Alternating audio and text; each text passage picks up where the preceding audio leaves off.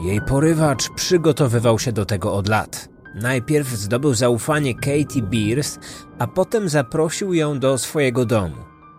Obiecywał wspaniałą zabawę, ale miał w stosunku do niej inne plany. Z bunkra, który skonstruował, nie dało się uciec. Tłumaczył dziesięciolatce, że od teraz to jej nowy dom, że spędzi tutaj przyszłość, a gdy dorośnie, wezmą ślub i będą mieć dzieci. Tej tragedii można było uniknąć, gdyby tylko ktoś wziął pod uwagę niepokojące sygnały, które pojawiały się od dawna. Mężczyzna uchodził za dziwaka, choć miał w swojej przeszłości problemy z prawem, które ewidentnie świadczyły, że może być niebezpieczny. Ludzie nie podejrzewali, że może być zdolny do takich czynów. Oto historia porwania dziewczynki, do którego doszło w 1992 roku w Ameryce. Zanim przejdziemy do szczegółów, przypomnę jeszcze o zaobserwowaniu podcastu i wystawieniu gwiazdkowej oceny na Spotify. Nowe odcinki mojej kryminalnej serii publikuję w każdy poniedziałek na wszystkich aplikacjach podcastowych i na YouTube. Zasubskrybuj, aby być na bieżąco i co tydzień wysłuchać mrocznych, wstrząsających historii, o których mówił świat.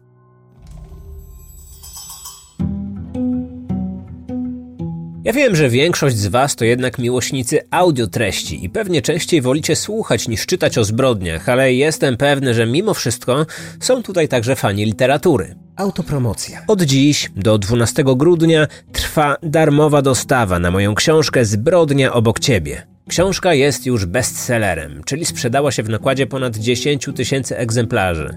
I opinie na jej temat są ogólnie pozytywne. Bardzo często piszecie mi, że narracja przypomina wam podcasty. Taki był właśnie zamysł, abyście czytając książkę mogli w myślach czytać ją moim głosem. No wiecie doskonale o co chodzi i wygląda na to, że ten cel udało się zrealizować. Historia, którą opisałem w książce, oczywiście wydarzyło się naprawdę i nigdy wcześniej nie pojawiła się w moich programach. Cała książka dotyczy jednej sprawy z czasów PRL. Tej, która z jakichś powodów najbardziej mnie zaintrygowała. To kulisy śledztwa, wielkiego pościgu, a także dalsze losy bohaterów, a raczej antybohaterów. Słuchajcie, taniej na pewno nie będzie. Akcje związane z darmową dostawą wydawnictwo Altenberg wprowadza bardzo rzadko. Ostatnio taka okazja była chyba ponad rok temu, więc teraz przed świętami zbrodnia obok ciebie może być dobrym pomysłem na prezent. Zainteresowanych odsyłam na kryminatorium.alt.pl. Link oczywiście zostawiam także w opisie materiału. Dobra, koniec autopromocji, wracamy do sprawy z odcinka. Kryminatorium. Otwieramy akta tajemnic. Kiedy Linda usłyszała dźwięk dzwoniącego telefonu, początkowo nie chciała odebrać. Jakiś czas wcześniej straciła nogę. Od tamtej pory poruszała się na wózku inwalidzkim. Nie przywykła jeszcze do tej nowej rzeczywistości. Przemieszczanie się z jednego miejsca do drugiego męczyło ją. Nie wspominając o tym, że wszystko zajmowało jej więcej czasu niż wcześniej. Pomyślała jednak, że być może dzwoni weterynarz jej schorowanego psa. Dlatego ostatecznie odebrała. Jednak po drugiej stronie usłyszała inny głos. Był jej dobrze znany, ale w tamtym momencie brzmiał nieco inaczej niż zazwyczaj. Wypełniało go przerażenie. Należał do Katie Beers, jej chrześnicy i zarazem córki dobrej przyjaciółki. Dziewczynka wypowiedziała tylko kilka słów. Zostałam porwana przez mężczyznę, który ma nóż. O Boże, on właśnie tutaj idzie. Potem połączenie zostało przerwane. Kobieta nie zdążyła nic powiedzieć. Chciała zapytać, gdzie się znajduje, kim jest ten mężczyzna z nożem. Może dziesięciolatka mogłaby podać opis jego wyglądu. Przez chwilę nie wiedziała, co powinna zrobić. Zaczęła gorączkowo rozmyślać. Znała Katie od zawsze. Pomagała w jej wychowaniu. Właściwie to określiłaby się mianem jej matki. Choć nie nosiła jej pod sercem przez dziewięć miesięcy, to nikt tak o to dziecko nie dbał jak ona co powinna powiedzieć swojej przyjaciółce, a prawdziwej mamie. Zwłaszcza, że zrobiła coś, czego nie powinna. Wcześniej obiecała jedną rzecz matce dziewczynki. Nie dotrzymała tego słowa. Niby nie wierzyła, by to miało cokolwiek wspólnego z tym przerażającym telefonem, ale w głębi serca przeczuwała, że to właśnie przez nią dziecko znalazło się w niebezpieczeństwie. Kobieta musiała zatrzymać lawinę złych myśli. Skupiła się na faktach. Katie spędzała dzień z dużym Johnem. Dobrze znała tego mężczyznę, podobnie jak matka dziewczynki.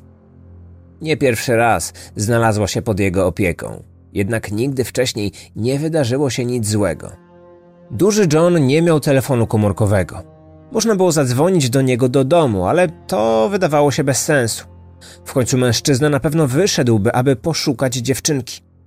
Do matki Katie nie zatelefonowała, ponieważ ta w ogóle nie miała telefonu. Wiedziała, gdzie dziecko razem z przyjacielem rodziny mieli pójść. Do specjalnie wydzielonej strefy zabawy, mieszczącej się w centrum handlowym na nowojorskiej wyspie Long Island. Było to coś w rodzaju parku rozrywki z licznymi grami i atrakcjami dla dzieciaków. W książce telefonicznej znalazła numer do tego miejsca. Krótka rozmowa z menadżerką wykazała, że nikt tam jeszcze nie został powiadomiony o zdarzeniu. Uznała, że to dziwne. Po chwili skontaktowała się z policją. Kilkanaście minut później znowu rozmawiała z menadżerką, tym razem już zorientowaną w sytuacji. Nagle usłyszała głos Johna. Był w pobliżu. Rozmawiał z innym pracownikiem. Kobieta chciała z nim zamienić kilka słów. Chciała się dowiedzieć, co się stało. Mężczyzna był roztrzęsiony. Powiedział, że zostawił ją dosłownie na kilka minut. Sam zagrał w jedną z gier. Kiedy wrócił, jej już nie było. Jak długo mu to zajęło? Nie mógł dokładnie sprecyzować, ile czasu minęło, jednak było to wystarczająco długo, by ktoś porwał dziecko. Linda poczuła się odpowiedzialna za to, co się wydarzyło. Sama zabiegała o to, by dziewczynka została u niej na parę dni.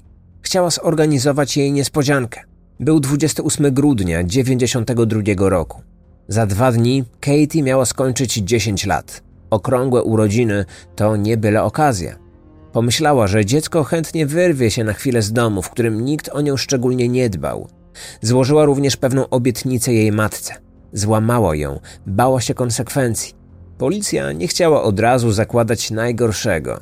Dziecko mogło odejść na chwilę i zgubić się. Takie przypadki się przecież zdarzają. Jednak jej chrzestna otrzymała ten przerażający telefon. Katie powiedziała, że została porwana przez mężczyznę z nożem. Czy mógł to być po prostu żart? Czy prawie dziesięcioletnia dziewczynka byłaby zdolna do tego, by w ten sposób zadrwić z bliskich? Wydawało się to mało prawdopodobne. Nawet jeżeli tak było, to funkcjonariusze szybko by ją odnaleźli. Nie odeszłaby daleko, a tak się nie stało. To mogło oznaczać tylko jedno: dziesięciolatkę porwano. Pozostało pytanie, dlaczego? Zrobiono to po to, by potem zażądać okupu? A może w grę wchodziła pedofilia? Co, jeśli za czyn odpowiadała kobieta, która niedawno straciła własne dziecko? Chrzestna odchodziła od zmysłów. Przeczuwała najgorsze. Kluczowym świadkiem w sprawie był duży John. Policja od razu go przesłuchała. Mężczyzna zeznał, że tego dnia zabrał dziewczynkę na chwilę do swojego domu. Spędzili w nim 20 minut grając w grę wideo. Później wybrali się do parku rozrywki mieszczącego się w galerii handlowej. Dotarli tam o 16.30. On dał jej pieniądze, by zagrała w co tylko zechce. Zostawił ją wówczas na chwilę samą. Po kilku minutach zorientował się, że nie może namierzyć jej wzrokiem. Rozejrzał się po całym pomieszczeniu, ale nigdzie jej nie widział. Inne dzieciaki bawiące się obok nie zauważyły jej. Poprosił nawet grupę dziewczynek, by sprawdziły, czy poszła do toalety. Dziesięciolatka przepadła. Taką wersję przesłuchiwany przedstawił śledczym. Czy mówił prawdę?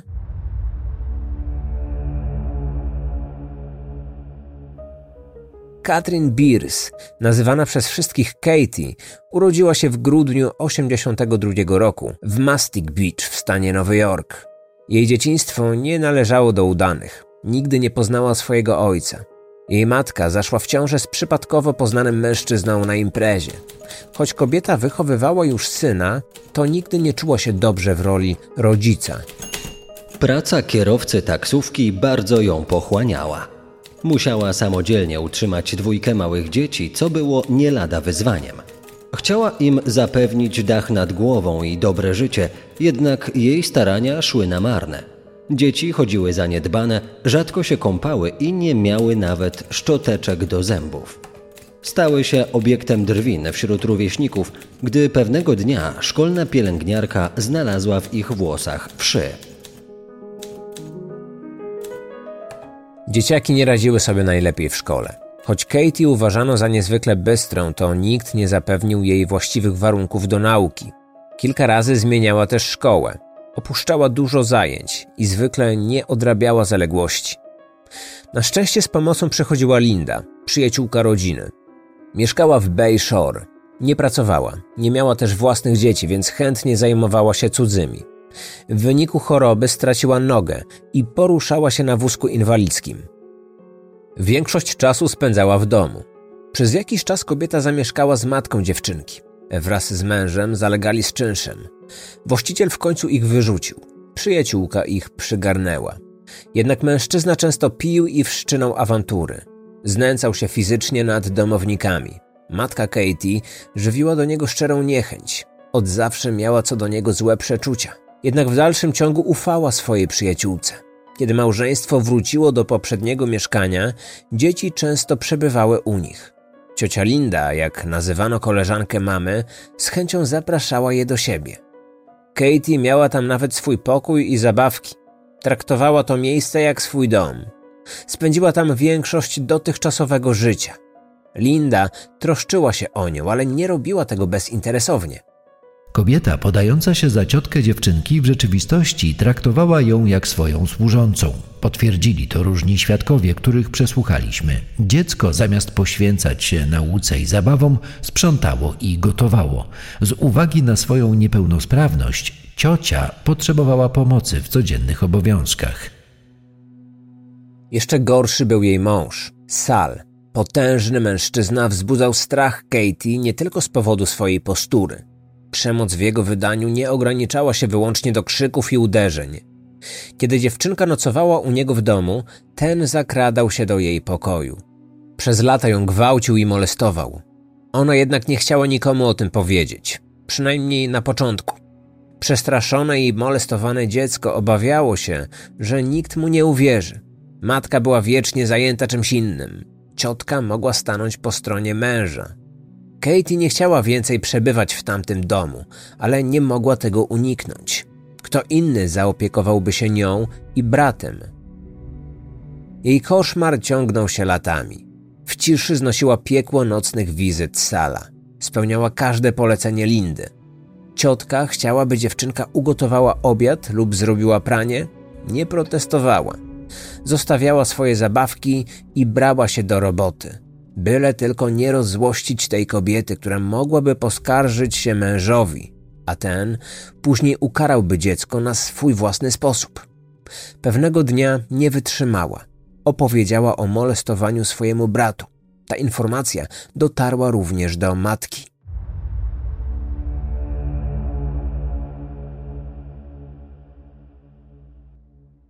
Sprawę zgłoszono na policję. Sal został aresztowany. Postawiono mu zarzut, a on się go nie wyparł. Czekał na proces.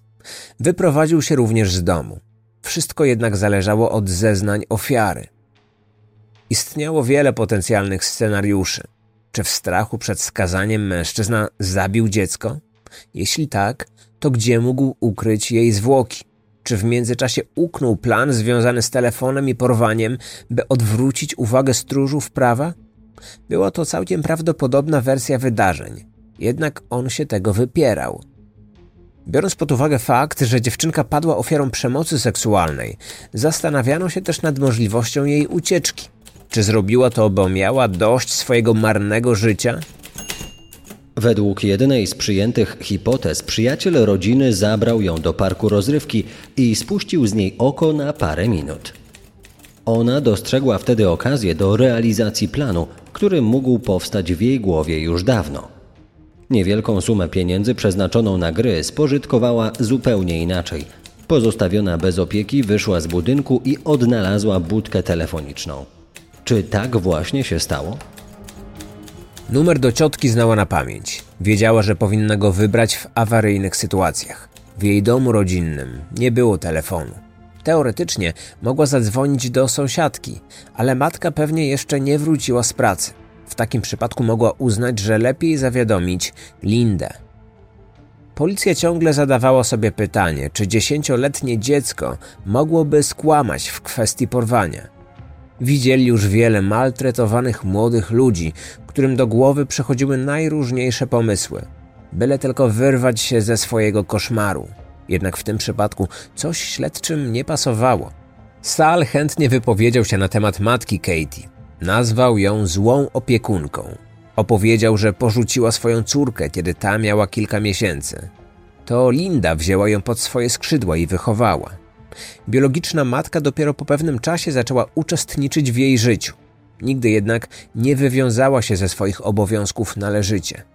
Sam sugerował, że dziesięciolatka mogła uciec, ale nie z jego powodu, tylko przez matkę.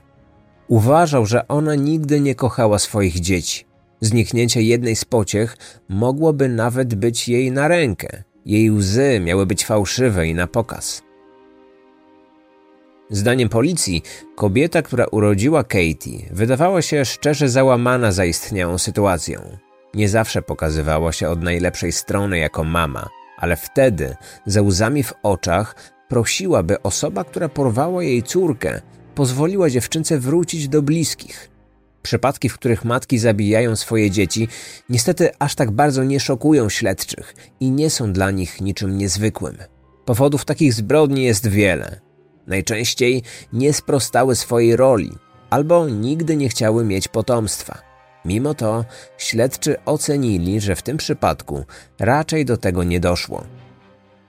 Czas mijał nieubłaganie, a to zmniejszało szanse na odnalezienie dziesięciolatki całej i zdrowej. W takich sprawach zwykle kluczowa jest pierwsza doba. Według policyjnych statystyk, po upływie 24 godzin porwane dziecko zazwyczaj już nie żyje. Nikt nie wiedział, gdzie Katie może przebywać. Obawiano się, że jej zwłoki mogły już gdzieś leżeć porzucone. Matka miała swoją własną teorię, według której Linda i Sal maczali w tym palce. Jej przyjaciółce bardzo zależało na tym, by Katie spędzała z nią jak najwięcej czasu. Nie mogła mieć własnych dzieci. Chciała poczuć się matką. Dlatego mogła wywieźć dziewczynkę i ją ukryć, tak żeby nie wróciła już więcej do domu. Istotnym dowodem był zapis rozmowy telefonicznej. Linda twierdziła, że dziesięciolatka do niej zadzwoniła. Przesłaliśmy nagranie do FBI. Specjalistyczna analiza wykazała, że prawdopodobnie zostało sfabrykowane. To nie dziewczynka zadzwoniła, tylko sprawca. Wcześniej zmusił ją do wypowiedzenia tych słów. Uwiecznił je na dyktafonie, który potem przystawił do słuchawki telefonu. Zastanawiające było, że porywacz znał numer Lindy. Czy zmusił dziewczynkę, by mu go podała? Małżeństwo zaprzeczyło swojemu udziałowi w porwaniu.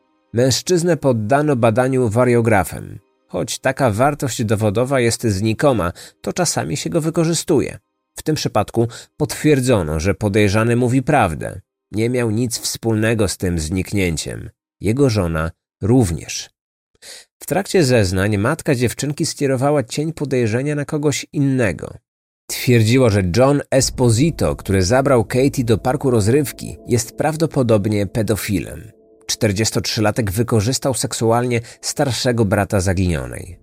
W życiu obojga dzieciaków uczestniczył już od kilku lat. Pani Beers najpierw poznała jego matkę. Starsza kobieta często korzystała z usług taksówkarzy. Często opowiadała im o swoim synu, Johnie. Rzekomo należał do organizacji zajmującej się pomaganiem młodym ludziom, zwłaszcza tym, którzy wychowywali się bez któregoś z rodziców. Katie i brat, nazywany Małym Johnem, mieli dwóch różnych ojców, ale żaden z nich nie interesował się swoim dzieckiem. Matka wiedziała, że nie najlepiej wychodzi jej opieka nad dziećmi. Chciała jednak, aby syn miał w swoim życiu jakiś męski wzorzec. To wtedy poznała się z Esposito, którego zaczęto nazywać Dużym Johnem. Głównie dlatego, by odróżnić chłopca od dorosłego mężczyzny. Na pierwszy rzut oka wydawało się, że ma on bardzo dobre podejście do dzieci. Rodzeństwo bardzo lubiło spędzać z nim czas. Od czasu do czasu zabierał ich na wycieczki. Obdarowywał prezentami bez okazji i nigdy nie szczędził na nich pieniędzy. Z pozoru traktował ich jak swoje własne dzieci, a one go uwielbiały. Nazywały swoim dorosłym przyjacielem. Z chłopakiem spędzał więcej czasu. Twierdził, że młodemu przyda się taki męski czas. bez towarzystwa kobiet. To właśnie w trakcie tych wypadów doszło do molestowania seksualnego. Nastolatek pewnego dnia oznajmił matce, że duży John go dotykał. Nie powiedział nic więcej. Kiedy to się stało? Gdzie? Ile razy? Jakich czynności się dopuszczał? To wszystko było niewiadomą. Kobieta próbowała się czegoś dowiedzieć, ale bezskutecznie. Sprawę zgłosiła do organizacji, do której duży John rzekomo należał. Okazało się, że nie był jej członkiem. Ubiegał się o to, by go przyjęli, ale jego podanie zostało odrzucone. Stało się tak, ponieważ odkryto jego mroczną przeszłość. W latach 70. dopuścił się usiłowania porwania. W galerii handlowej podszedł do siedmioletniego chłopca, którego rodziców znał. Nakłonił go do wyjścia z nim, a następnie chciał wciągnąć do swojego samochodu. Na szczęście tę scenę zaobserwowało kilka osób i w porę zareagowało. Powiadomiono policję, która go ujęła. W trakcie składania wyjaśnień powiedział, że nie planował skrzywdzić siedmiolatka. Chciał po prostu mieć przyjaciela. Uratowała go ugoda. Esposito przyznał, że próbował porwać dziecko. W zamian jego czyn sklasyfikowano nie jako przestępstwo, tylko wykroczenie. Przez lata nie łamał więcej prawa, aż do momentu molestowania brata Katie. W tej sytuacji matka powiedziała, że musi zadbać o bezpieczeństwo swoich dzieci. Sprawę zgłosiła na policję, do wydziału zajmującego się przestępczością seksualną. Mężczyźnie jednak nie postawiono zarzutów. Molestowany chłopak nie zdradził zbyt wielu przydatnych szczegółów. W końcu powiedział, że już sam właściwie nie pamięta, czy naprawdę do tego doszło. Mógł wyprzeć ze swojej pamięci te traumatyczne wspomnienia. Istniała też możliwość, że celowo zasłonił się niepamięcią. Ofiary molestowania seksualnego często rezygnują z opowiedzenia o tym, co się stało. W ten sposób chronią się przed wtórną wiktymizacją. Według jeszcze innego scenariusza wymyślił wszystko. Duży John nigdy nie zrobił mu krzywdy. Zaniedbywany chłopak chciał zwrócić na siebie uwagę, zwłaszcza matki. Mimo wszystko, kobieta wychowująca dwójkę dzieci nie ufała dużemu Johnowi. Nie chciała, by miały coś wspólnego z tym człowiekiem. Zabraniała im przyjmowania od niego prezentów i spotykania się z nim. Przekazała Lindzie, by ta pod żadnym pozorem nie zostawiła Katie pod jego opieką. Taki był warunek, kiedy zgodziła się, by córka spędziła urodziny u ciotki. Ona mimo to złamała dane słowo. Esposito mógł być sprawcą porwania. Już raz próbował dokonać podobnego czynu. Nie udało mu się tylko dlatego, że ktoś zareagował. Nie wiadomo, co w innym wypadku stałoby się z tym chłopcem. Wobec tej informacji i innych wątpliwości wydano nakaz przeszukania jego domu w związku z poszukiwaniem Katie. Wkroczyliśmy tam z samego rana w Sylwestra 1992 roku. W ciągu kilku godzin przeczesaliśmy jego posiadłość. Liczyliśmy na to, że coś znajdziemy, jednak w domu nie było żadnych śladów. Psy tropiące również na nic nie trafiły. Byliśmy zawiedzeni. Podejrzany powiadomił swojego prawnika. Ten po przybyciu na miejsce powtarzał, że policja próbuje oczernić niewinnego mężczyznę. John miał inne stanowisko w tej sprawie. Przyznał, że rozumie ich działania. Robili wszystko, co w ich mocy, by dziesięciolatka wróciła do domu. On sam niczego bardziej nie pragnął, niż by dziecko odnalazło się całe i zdrowe.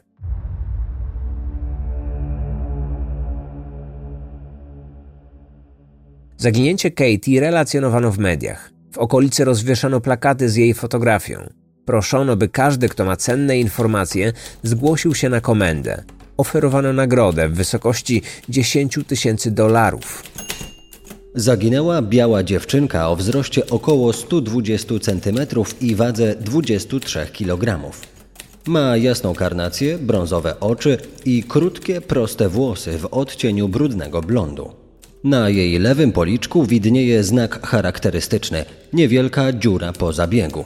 W dniu zaginięcia była ubrana w drelichowe spodnie, białą bluzkę z nadrukowanymi psami i czarne buty. Newsy o tej sprawie śledziła sama zaginiona. Katie wówczas żyła, wbrew ponurym podejrzeniom śledczych. Jednak z godziny na godzinę traciła nadzieję, że kiedykolwiek odzyska wolność. Porwano ją i przetrzymywano w obcym domu. Chciała wrócić do swojego, ale oprawca nie miał zamiaru jej wypuścić. Zapytała go, jak długo tam będzie. Jego odpowiedź zmroziła krew w żyłach. Z uśmiechem na twarzy odparł, że to teraz jest jej nowy dom. Pozostanie w nim już na zawsze. Jak dorośnie, to wezmą ślub. Chciałby pewnego dnia urodziła mu dzieci. Mieli stworzyć rodzinę. Można sobie tylko wyobrazić, jakie uczucia towarzyszyły dziesięciolatce po usłyszeniu tych słów. Dorosły mężczyzna snuł plany wspólnego życia. Potem było tylko gorzej. Zaczął wypytywać ją o różne kwestie, o których dziecko w tym wieku nie powinno jeszcze myśleć. Między innymi o to, czy uprawiała już seks. Wkrótce porywacz przystąpił do działania. W porwaniu chodziło o spełnienie chorych seksualnych fantazji. Trzymał ją zamkniętą w niewielkim pomieszczeniu. Raz dziennie przynosił jedzenie, picie i zabawki. Głaskał po głowie i mówił miłe rzeczy. Zupełnie jakby nie planował zrobić jej więcej krzywdy. Po chwili atakował, rozbierał ją i gwałcił, po czym znowu udawał, że się o nią troszczy. W pomieszczeniu umieścił telewizor. Nie miał nic przeciwko, aby mała oglądała bajki, a nawet śledziła wiadomości związane z własnym zniknięciem. Katie była wówczas jedną z najbardziej poszukiwanych osób w kraju. To mogło dawać nadzieję, że w końcu ktoś ją uratuje. Porywacz jednak chciał wierzyć w to, że śledczy zawiodą. Nie znajdą jej. Już na zawsze będzie tylko jego. Całe przedsięwzięcie zaplanował dawno temu. Nie wpadł na to pod wpływem chwili. Miejsce, w którym ją więził, zaprojektował specjalnie dla niej. W jego głowie wciąż pojawiały się nowe pomysły. Zaczął rozważać upozorowanie zabójstwa. Mógł zrobić jej zdjęcie, kiedy spała, wysłać funkcjonariuszom i dziennikarzom z dopiskiem, że ona nie żyje. Zastanawiał się, czy to by poskutkowało. Chciał, abyśmy przestali szukać. Powiedział jej nawet o tym. Nie chciałby się przestraszyła, więc na końcu się zaśmiał. Zupełnie jakby opowiadał dowcip. Na twarzy dziecka malowało się wtedy przerażenie. Dobitnie zrozumiał, że ona nie chce zostać żoną i matką jego dzieci. Wolała wrócić do domu, w którym nikt się nią nie interesował. Pewnego dnia nawet mu to wykrzyczała prosto w twarz. To był dla niego cios. Miała w sobie zbyt dużo woli walki. Choć ucieczka z tego miejsca wydawała się niemal niemożliwa, to nigdy nie mógł mieć stuprocentowej pewności. Co jeśli udałoby jej się uciec? Albo ktoś z sąsiadów lub gości odkryłby, że w jego domu przebywa poszukiwane dziecko. Początkowo nie miał wątpliwości co do swojego planu, ale z dnia na dzień zaczął się wahać. Bez przerwy zadawała mu trudne pytania. Jak będzie się uczyć i chodzić do szkoły? Czy jak dorośnie, to pójdzie do pracy? Nie wiedział, jakich odpowiedzi udzielać. Żeby nieco ją uspokoić, dawał jej pieniądze, dość spore sumy. Taka forma przekupstwa, która miała sprawić, by mu zaufała, nie był jednak pewien, czy przyniesie to zamierzony skutek. Zaczął ogarniać go strach, że wszystko nagle runie jak domek z kart. Nachodziły go różne myśli. Początkowo w ogóle nie brał pod uwagę, że mógłby ją zabić, jednak coraz częściej zastanawiał się, czy może byłoby lepiej, gdyby umarła.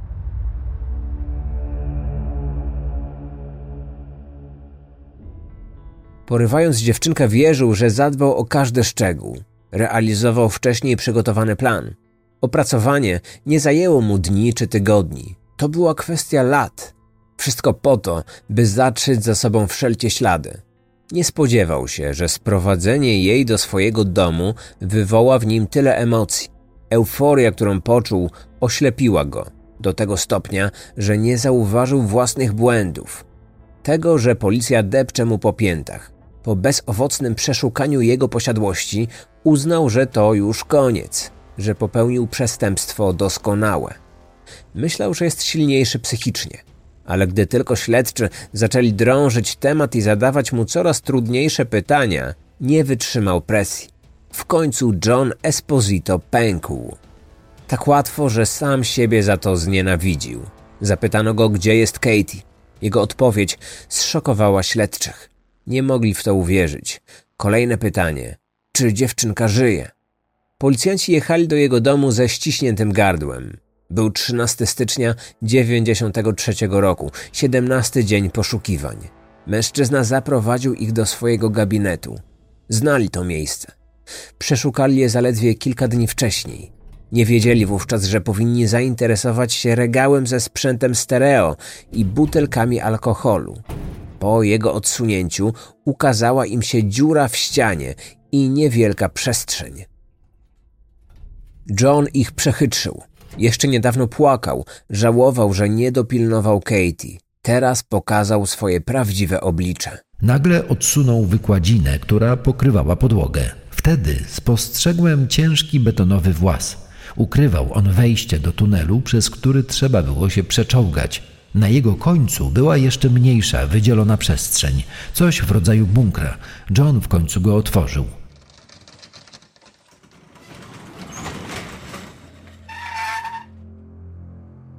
Wtedy jeden z policjantów wypowiedział na głos imię dziesięciolatki. W trakcie przesłuchania podejrzany zapewnił, że ona żyje, jednak śledczy niczego nie mogli być pewni. Widok tego miejsca nie napawał optymizmem. Nagle zaskoczony usłyszał dziecięcy głosik mówiący: Jestem tutaj. Po chwili ujrzeli twarz, którą w ciągu ostatnich dni dość dobrze poznali. Widzieli ją na licznych plakatach rozwieszonych w okolicy. Była to Katie Beers. Na szyi miała obrożę, do której przypięto łańcuch. Przestraszyła się na widok dwóch mężczyzn, których nigdy wcześniej nie widziała. W pierwszej chwili pomyślała, że to może koledzy dużego Johna. Przyszli, aby ją skrzywdzić. Stróże prawa wyjaśnili jej szybko, kim są. Zjawili się po to, by ją uratować. Nie mogła w to uwierzyć. Powoli traciła nadzieję, że kiedykolwiek opuści to przeklęte miejsce. W środku był stary materac, ubikacja oraz telewizor. Dziewczynka spędziła tam większość czasu. Jednak kiedy John odwiedzał ją raz dziennie, wypuszczał ją do samego tunelu. Nie robił tego z dobroci serca. Bunkier nie pomieściłby ich dwoje. Zwłaszcza, że mężczyzna realizował swoje seksualne fantazje. Potrzebował do tego więcej przestrzeni. Po wszystkim dziesięciolatka wracała do klitki. Następnego dnia on znów przychodził i robił to samo. Tak ofiara opisała 17 tragicznych dni ze swojego życia. Jak się tam znalazła? John nigdy nie zabrał jej do parku rozrywki. Najpierw pojechali do sklepu po napój, który uwielbiała. Wtedy zaproponował, by wybrała się do jego domu, pograć w grę wideo. Nie chciała, ale jej starszy przyjaciel i tak postawił na swoim. Na miejscu zaprowadził ją do swojej sypialni. Tam dziewczynka rozpoczęła grę, siedząc na łóżku. To nie była jej pierwsza wizyta w tym domu. Wcześniej zawsze towarzyszył jej brat. Teraz po raz pierwszy znalazła się sam na sam z Johnem.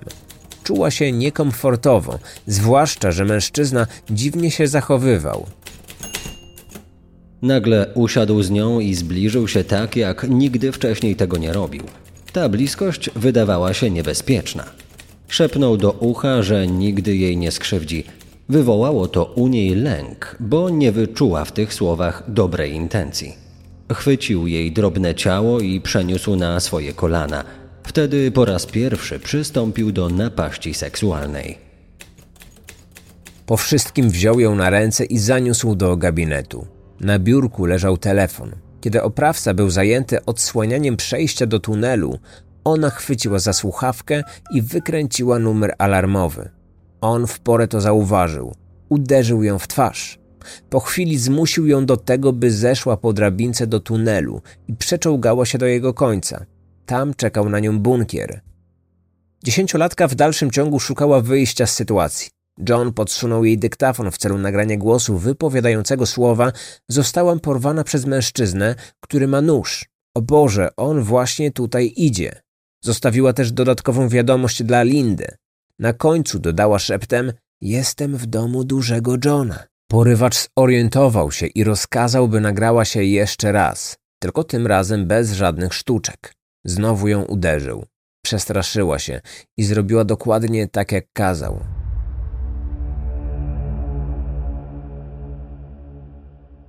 Od dawna planował to zrobić. Czekał tylko na idealną okazję, która w końcu się zdarzyła. Już wcześniej proponował jej spotkania tylko we dwoje, na przykład wtedy, kiedy przebywała w domu Lindy. Miała wymknąć się podczas drzemki ciotki. Podkreślał, że kobieta nie może się dowiedzieć o ich spotkaniu. Byłaby zazdrosna, że John poświęca jej tak dużo czasu. Dziewczynka w to wierzyła, ale z drugiej strony towarzyszyło jej pewne przeczucie. Odniosła wrażenie, że gdyby posłuchała swojego dorosłego przyjaciela, zrobiłaby coś niewłaściwego. Była jeszcze zbyt młoda, by zrozumieć, co konkretnie nie podobało jej się w tych propozycjach. Mimo to kłamała, że za każdym razem, jak chciała wyjść, ciotka się budziła i nie chciała jej wypuścić. Prawdopodobnie to ją uchroniło przed wcześniejszym porwaniem. On i tak wiedział, że ten dzień w końcu nastąpi. W trakcie składania wyjaśnień przyznał, że tunel i bunkier przygotował specjalnie na tę okazję już kilka lat wcześniej. W trakcie budowy dziewczynka i jej brat kilkukrotnie bawili się w tym domu. Pomieszczenie było dźwiękoszczelne, żeby nikt nie usłyszał krzyku czy błagania o pomoc. Dorośli przeoczyli wiele czerwonych flag, które zdawały się ostrzegać o grożącym z jego strony niebezpieczeństwie. 43-letni mężczyzna nie miał praktycznie żadnych znajomych w swoim wieku. Spędzał czas głównie z dziećmi. Przez lata w ogóle nie wzbudził niczyich podejrzeń. Nikogo nie zdziwiło też, że w jego domu było mnóstwo zabawek. Często zapraszał do siebie obce dzieci. Proponował gry czy obejrzenie bajek. Jednak miał tylko jeden telewizor, który znajdował się w jego sypialni. Dopiero po uratowaniu Katie zrozumiano, że było to co najmniej niepokojące. Wszystkich zmyliło, że rzekomo działał w organizacji pomagającej dzieciakom. Uważano, że to dobry człowiek. Takie słowa wypowiedziała nawet Linda i to zaledwie kilka godzin przed porwaniem. Dziesięciolatka przypominała cioci, że mama nie pozwoliła jej się widywać z Johnem. W odpowiedzi usłyszała, że nie ma powodów, aby się go obawiać. Później kobieta bardzo tego pożałowała. To obróciło życie Katie o 180 stopni. Choć już wcześniej doświadczyła przemocy seksualnej i zaniedbania, kolejne tragiczne doświadczenie odcisnęło na niej piętno. Jednak finał tej historii niesie za sobą happy end. Będąc w zamknięciu, chciała wrócić do swojego dawnego życia. Nie znała nic innego. Nikt wcześniej nie wyciągnął do niej pomocnej dłoni. Nauczyciele w szkole domyślali się, że w jej domu dzieje się coś niedobrego, a mimo to nikt nie zareagował. Dopiero kiedy za sprawą poszukiwań i śledztwa zrobiło się o niej głośno, pojawiła się jakaś reakcja i to dość szybko. Dziewczynka nie wróciła już do matki. Opieki nie powierzono również Lindzie. Na jaw wyszło wszystko, co przez lata zamiatano pod dywan. Zamiast tego trafiła do rodziny zastępczej, która wkrótce ją zaadoptowała. W końcu mogła skupić się na nauce. Zadbano, by już nigdy więcej nie poszła do szkoły brudna czy głodna. Johna oskarżono wyłącznie o porwanie. W wyniku zawartej ugody pominięto zarzuty związane z wykorzystaniem seksualnym. Skazano go na dożywotnie pozbawienie wolności z możliwością warunkowego zwolnienia po 15 latach. Jeszcze przed procesem badania psychiatryczne wykazały, że był sprawcą preferencyjnym. Takim sformułowaniem określa się pedofila, czyli osobę dorosłą, która nie jest w stanie uzyskać satysfakcji seksualnej w relacji z drugim dorosłym. Spełnienie daje mu wyłącznie aktywność seksualna z dziećmi, które nie weszły jeszcze w okres dojrzewania. Zdaniem psychiatrów i psychologów, sprawca takich czynów często sam w dzieciństwie padł ich ofiarą. John przyznał, że molestowała go matka. Nie pomógł mu nawet świadomy wszystkiego ojciec. Mężczyzna zamiast tego wyżywał się na synu i obwiniał go za postępowanie żony. Skazaniec ubiegał się o przedterminowe zwolnienie. W 2007 roku minęło 15 lat, czyli w jego przypadku niezbędne minimum. Mężczyzna wtedy twierdził, że nie zgwałcił Katie. Jako osoba aseksualna nie uprawiał seksu z nikim. To mu jednak nie pomogło. Nie wyszedł na wolność. Następne próby podejmował co dwa lata. W 2011 podał jeszcze inną wersję wydarzeń. Przetrzymywał ofiarę w swoim domu, bo chciał wychowywać ją jako swoją córkę. Zapewniał, że resocjalizacja pozytywnie na niego wpłynęła. Stał się innym człowiekiem, gotowym rozpocząć nowe życie. Ponownie nie pozwolono mu wyjść. W 2013 roku znaleziono go martwego w więziennej celi. Zmarł z przyczyn naturalnych. Ta informacja przyniosła spokój jego ofierze. Dorosła już kobieta obawiała się, że jej oprawca pewnego dnia opuści zakład karny. Mógłby wtedy ją odszukać i zapukać do jej drzwi, albo skrzywdzić inne dziecko. Przed karą nie uciekł też Sal Ingileri. Wymierzono mu wyrok 12 lat pozbawienia wolności. Spotkał go podobny los jak w przypadku Johna. Mężczyzna zachorował, ale odmówił leczenia. Zmarł w 2009 roku. Główna bohaterka tej historii, Katie Beers, jest dziś szczęśliwą żoną i matką. Przez jakiś czas pozostawała poza medialnym zasięgiem. W końcu podjęła decyzję, aby opowiedzieć o swoich przeżyciach. Wydała książkę, udzieliła kilku wywiadów. Chce dawać nadzieję i pomagać innym dzieciakom, takim, których dorośli zawiedli, takim jak ona kiedyś. Źródła wykorzystane do stworzenia odcinka. Książka autorstwa Katie Beers i Caroline Gusow pod tytułem Buried Memories, wydana przez wydawnictwo Titletown Publishing w 2013 roku. Książka Artura Herzoga pod tytułem 17 Days The Katie Beers Story, wydana przez wydawnictwo Harper Paperbacks w 1993 roku. Materiał wideo pod tytułem Locked in a Bunker for 17 Days, opublikowany przez kanał Unfiltered Stories na stronie YouTube 3 grudnia 2022 roku. Artykuły z portali People i NBC New York.